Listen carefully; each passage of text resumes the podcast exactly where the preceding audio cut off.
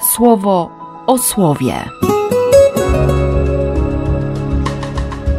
Rozważania księdza Grzegorza Mączki.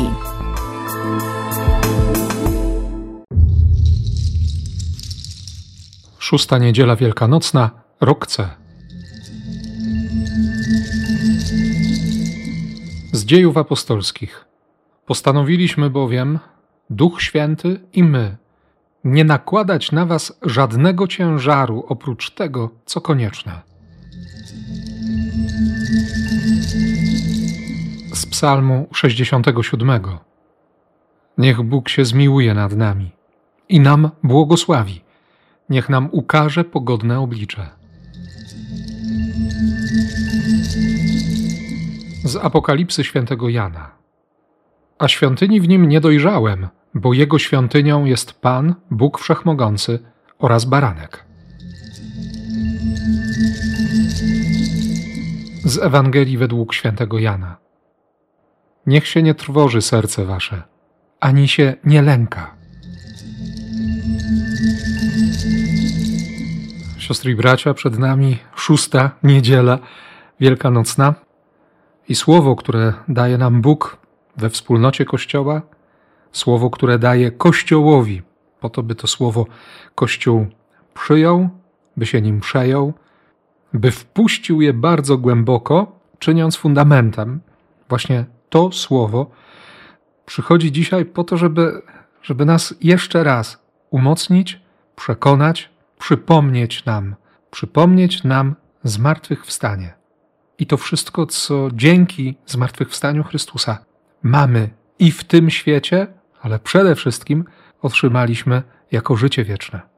Zresztą dwa krańcowe teksty, i pierwszy, i czwarty z dzisiejszej liturgii słowa, słyszeliśmy w liturgii dni powszednich minionego tygodnia.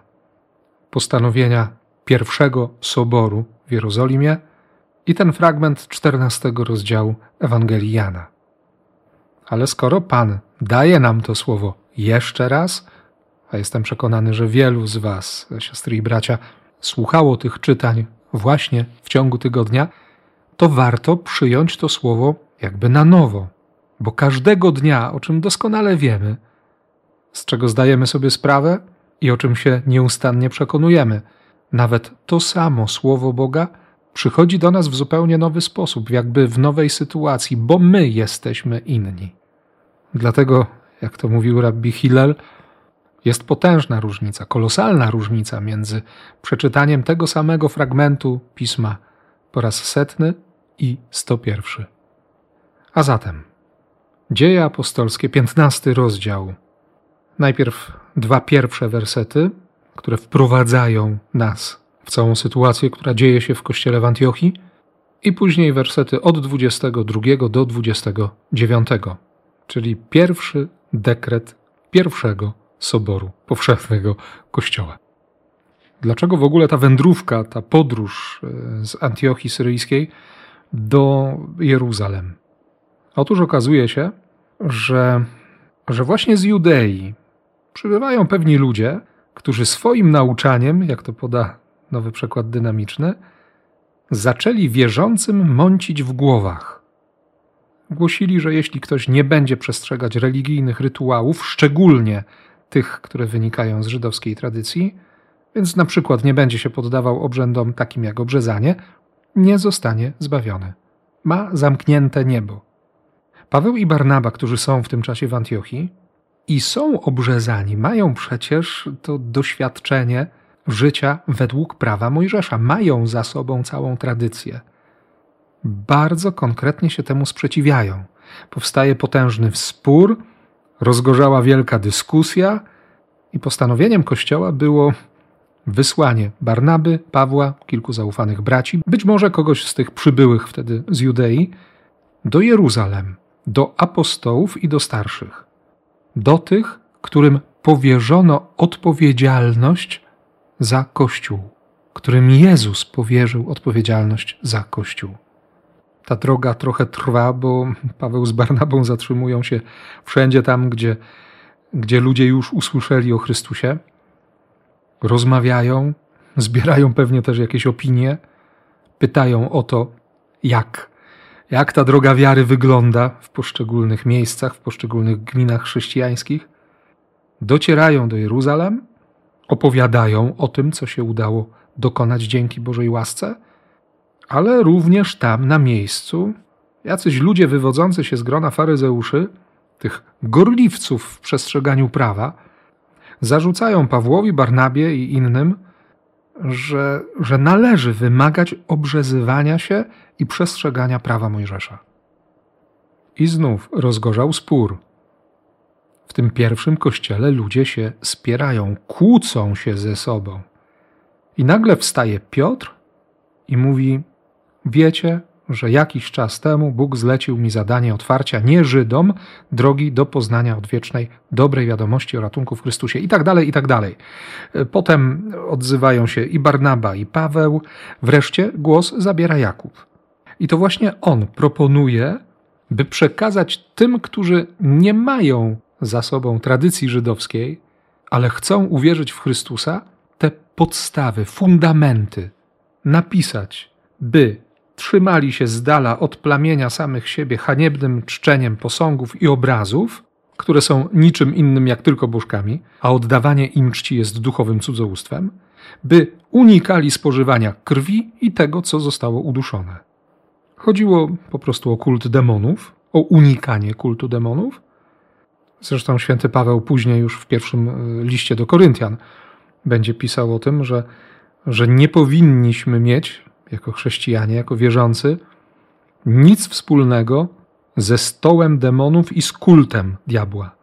A Izrael, to jest księga kapłańska, w kilku miejscach, bo to i trzeci, i siódmy, i siedemnasty, i dziewiętnasty rozdział, mówi bardzo wyraźnie, by nie spożywać krwi ani zwierząt zabitych przez uduszenie. Tym bardziej, że Jakub kończy swoje wystąpienie stwierdzeniem, że, że właśnie takie postępowanie jest szczególnie obrzydliwe dla Żydów, którzy od najdawniejszych pokoleń żyją w każdym mieście, co szabat gromadzą się na czytaniu Mojżesza. Chodzi po prostu o to, żeby uczniowie Chrystusa mający pogańskie pochodzenie nie odstraszali swoim postępowaniem tych, którzy są pochodzenia żydowskiego. Mieć wzajemną wrażliwość na siebie. Święty Paweł napisze też w innym miejscu: Chociaż nie ma żadnych bożków, to gdyby moje postępowanie, gdyby mój posiłek miał osłabić wiarę brata, który nie ma mocnej wiary i nie ma wystarczającej wiedzy, to nie będę jadł tego, co mogłoby być zgorszeniem. I ta wypowiedź Jakuba, o czym przeczytamy w kolejnych wersetach 15 rozdziału dziejów apostolskich, nie tylko spodobała się zgromadzonym, nie tylko przystali na tę propozycję, ale wybrali dodatkowo spośród siebie jeszcze Judę, którego nazywano Barsabas, i Sylasa, wyróżniających się w wierze między braćmi w Jerozolimie, i wysłano ich razem z Barnabą i Pawłem do Antiochii. I oczywiście przekazano ten list, pierwszy dekret soborowy. List z pozdrowieniem, z wyjaśnieniem całej sytuacji i rozstrzygnięciem tego sporu. I pojawiło się tam bardzo istotne, bardzo ważne zdanie. Kierując się wskazaniami Ducha Świętego Boga oraz własnym rozsądkiem. W przekładzie Biblii Tysiąclecia, co usłyszeliśmy na początku, we wprowadzeniu do, do dzisiejszego komentarza, postanowiliśmy bowiem Duch Święty i my. Doszliśmy do przekonania, iż nie należy nakładać na was żadnego ciężaru oprócz tego jedynie, który jest konieczny – jest taki ciężar, który jest konieczny. Jest fundamentalne prawo i zasady podstawowe, które należy przestrzegać. To oczywiste. I w Kościele są takie zasady. Jest takie prawo podstawowe, fundamentalne. Kiedy kilka dni temu dotarło do moich uszu to słowo, właśnie w liturgii słowa dni powszednich, poruszony i sprowokowany jednocześnie komentarzem świetnego biblisty z południa Polski, księdza Wojciecha Węgrzyniaka, którego komentarze, artykuły gorąco polecam, podobnie jak księdza profesora Mariusza Rosika z Wrocławia. Zacząłem się zastanawiać nad tym, co jest konieczne, co jest konieczne w moim życiu, co jest fundamentalne, co jest najważniejsze, co jest pierwsze. I myślę, że to dzisiejsze słowo może nas poprowadzić właśnie do odpowiedzi na to pytanie. Na pytanie, które trzeba sobie zadać, bo przecież my robimy bardzo dużo różnych rzeczy. Bardzo dobrych, bardzo pobożnych, bardzo potrzebnych. Ale może się okazać, że w tym gąszczu rozmaitych przykazań, przykazań, które sami sobie nawet nakładamy, do przestrzegania których sami się zobowiązujemy, w tym uporządkowanym trybie, a może i jakimś chaosie, może się nagle okazać, że, że gubimy fundament, gubimy podstawę, gubimy to, co konieczne. Nie zapomnieć o tym, co jest konieczne, co jest pierwsze, co jest najważniejsze. I dobrze byłoby, siostry i bracia, znaleźć chwilę czasu i, i właśnie nad tym się zastanowić. O tym właśnie pomyśleć. Jestem przekonany, że, że do tego również prowadzi nas e, komentarz do tego pierwszego czytania, czyli Psalm 67, który rozpoczyna się od słów: Oby Bóg raczył nad nami się zmiłować i udzielił nam swego błogosławieństwa. Co znaczy zmiłować się? Odpuścić grzech? Przypomnieć to, co najważniejsze? Pokazać, że jesteśmy tak ważni dla Niego? udowodnić i uświadomić raz jeszcze, że, że nie jesteśmy byle kim i że nosimy w sobie godność dzieci Bożych. Jesteśmy synami i córkami króla wszechświatów. To życzenie zawarte zaraz w pierwszych słowach tego psalmu. Oby Bóg raczył nad nami się zmiłować, udzielił nam swego błogosławieństwa. To nam pokazuje, co jest pierwsze, co jest fundamentalne kim my jesteśmy. I może chodzi o to, by, by po prostu do tego wrócić, wrócić do tej pierwotnej miłości, jak przeczytamy w jednym z listów w Apokalipsie świętego Jana. Wrócić do pierwszej miłości, do tej pierwotnej miłości. Pamiętać skąd się spadło, przypomnieć sobie, kim naprawdę jesteśmy. Powiedzieć sobie samemu: Nie jesteś byle kim. Warto to zrobić. Tym bardziej, że psalmista chce wezwać cały świat, wszystkie narody, wszystkie ludy, całą ziemię, by wspólnie błogosławić Boga, by ucieszyć się, że ten wszechpotężny, panujący, wszechmogący i wszechwiedzący Bóg jest naszym Bogiem, jest Bogiem przymierza jest Bogiem, który, który naprawdę jest z nami. Nie ucieka, nie gorszy się, nie zamyka swojego serca, nie odwraca się, nie przestanie kochać. I o tym mówi nam również trzeci z tekstów, czyli fragment 21 rozdziału Apokalipsy świętego Jana. W tym przedostatnim rozdziale księgi Jan ma wizję najpierw nowej ziemi, nowego nieba. Słyszeliśmy o niej w ubiegłą niedzielę, rzeczywistości, która jest pozbawiona morza. A wiemy dobrze, że dla Żydów morze to było siedlisko demonów. Więc w tym nowym nie będzie miejsca dla zła, dla diabła, dla przeciwnika, dla oskarżyciela. I w tym nowym niebie nagle Jan widzi nowe miasto, nowe Jeruzalem, oblubienice baranka. Dla nas może być to trudne do uchwycenia, ale dla, dla Żydów, przecież Jan jest Żydem, ta wizja jest spełnieniem marzeń.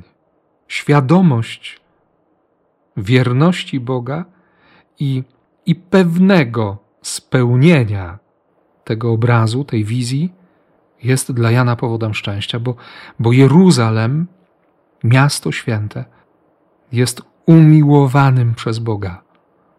I dlatego w pierwszym przymierzu tak często pojawiało się słowo o, o zdradzie, o swego rodzaju rozczarowaniu i o pokucie, którą musi podjąć święte miasto, bo umiłowana córa Boga odeszła.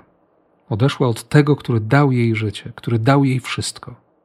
I święty Jan widzi nowe miasto, nowe Jeruzalem, wystrojone jak na wesele I chyba ze zdziwieniem również Jan stwierdza, że, że nie ma tam świątyni. Świątyni tam nie widziałem.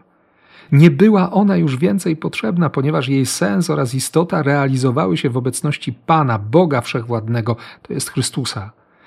Tak tłumaczy nam ten tekst, nowy przekład dynamiczny. W Biblii Tysiąclecia przeczytamy: Świątyni w nim nie dojrzałem, bo jego świątynią jest Pan, Bóg Wszechmogący oraz baranek. Natomiast w przekładzie pierwszego kościoła pojawi się zdanie: Świątyni w nim nie widziałem, ponieważ Pan, Bóg Wszechwładca jest jego świątynią a także baranek. To miasto nie potrzebuje słońca ani księżyca, by mu dawały światło, bo chwała Boga napełniła je jasnością. Baranek jego lampą. W przykładzie dynamicznym z tego samego powodu nie było tam słońca ani księżyca, ponieważ Chrystus był światłością całej tej społeczności. W nim chwała Bożej mądrości ogarniała wszystko swoim blaskiem. Bóg, który z radością chodzi po ulicach, który wszystko rozświetla, który sprawia, że niczego nie trzeba ukrywać, że nie trzeba się wstydzić, nie trzeba z zażenowaniem odwracać oczu, nie trzeba się martwić. Pełnia szczęścia.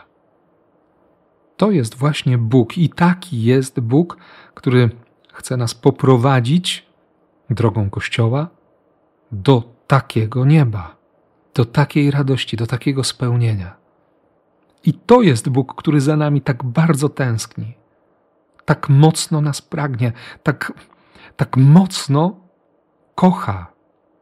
I dlatego Bóg o nas będzie mówił, również przez listy świętego Pawła, że jesteśmy Jego świątynią. Że w każdym z nas chce się objawić ta szechina, obecność, bliskość, intymność wręcz relacji, miłości Boga do człowieka. Dlatego jesteśmy zaproszeni, by, by odkryć tę obecność, by uwierzyć, by, by zaufać, by przekonać się, że jesteśmy świątynią Boga, że Duch Boży w nas mieszka. I właśnie ta obecność jest źródłem naszej godności. Ona jest pierwsza, najważniejsza to jest ta pierwotna miłość, o której święty Augustyn napisze potem w wyznaniach: Szukałem Ciebie, szukałem Ciebie na zewnątrz, a Ty byłaś we mnie. Byłaś bliżej mnie niż ja sam sobie. Spojrzeć w lustro i zobaczyć świątynię Boga, świątynię Ducha Świętego i uwierzyć, że tak jest. I nie wynosić się ponad innych, bo to nie powód do do pogardzania siostrami i braćmi. Przeciwnie, to szansa, by w innych zobaczyć, dostrzec, próbować dostrzec tego samego ducha, tę samą miłość, obraz i podobieństwo do Boga. I pewnie dlatego również, jako ostatni i najważniejszy tekst dzisiejszej liturgii, przychodzi do nas słowo z 14 rozdziału Ewangelii Jana, ostatnie wersety tego rozdziału. Kiedy Jezus odzywa się do uczniów, już wam to mówiłem, chodzi o moje słowo. Każdy, kto prawdziwie mnie miłuje, ten stosuje się do mojego słowa. Uwierzyć, uwierzyć słowu Chrystusa, uwierzyć, że naprawdę Bóg nie rzuca słów na wiatr, kiedy mówi, że nas kocha. Dlatego Jezus w kolejnych zdaniach będzie mówił o tym, że że przyjdzie opiekun, adwokat, paraklet, duch, duch święty, duch Boga. Ojciec go pośle, by nas umocnił, by umocnił nas w Chrystusie. I on będzie nas pouczał o wszystkim, co będzie potrzebne, przypominając wszystko, co Jezus już powiedział. I duch cały czas działa.